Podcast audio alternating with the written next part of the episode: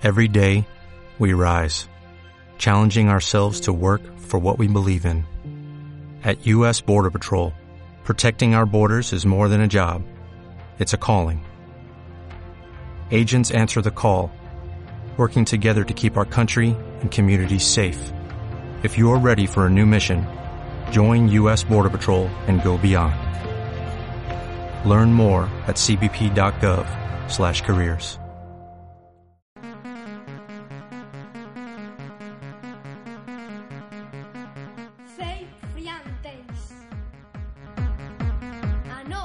semana.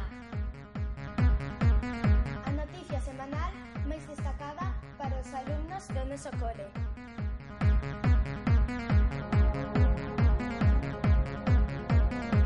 Bos días dende Cole Frián. Somos o alumnado de de sexto B de educación infantil. Imos a contar las las novas las semanas que dijimos. Un anticiclón de dar la isla una semana de buen tiempo.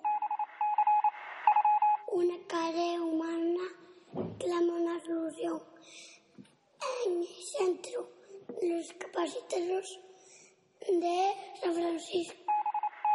Con dous novos esqueletos se formou un dinosaurio de 11 metros e 6 toneladas.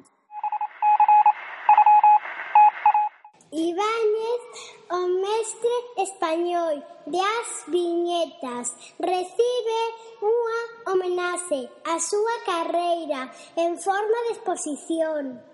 A exposición de Francisco Ibáñez, o mago do humor, poderá verse o Círculo de Bellas Artes de Madrid dende o 22 de outubro horas a 8 de xaneiro.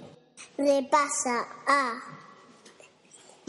extensa e exitosa trayectoria historietista a través de seus personaxes Mortadelo e Filemón, Pepe Gotercio Tilio, rompetechos, etcétera. Despois de medio século de traballo, Ibáñez, cos 78 anos, segue debuxando.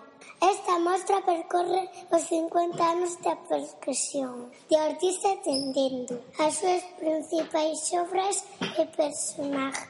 Mortadela Filemón son os máis famosos. Trátanse de dous desastrosos detectives que traballan nunha xenxa chamada Tía. O botón de Sacarina sempre está tramando problemas en seu hotel. Rompetechos sempre meténdose líos por súa falta de visión. Sempre focando e xa. Pepe Goteras Otilio, dous chapuzas a domicilio. Diferentes sucesos acontecen personaxes dun edificio situado nos percebes número 3. Cada habitáculo do edificio funciona como unha viñeta pequena cun xesto independente. E por último, hoxe xoga el Celta contra el Levante a ver se gana vez.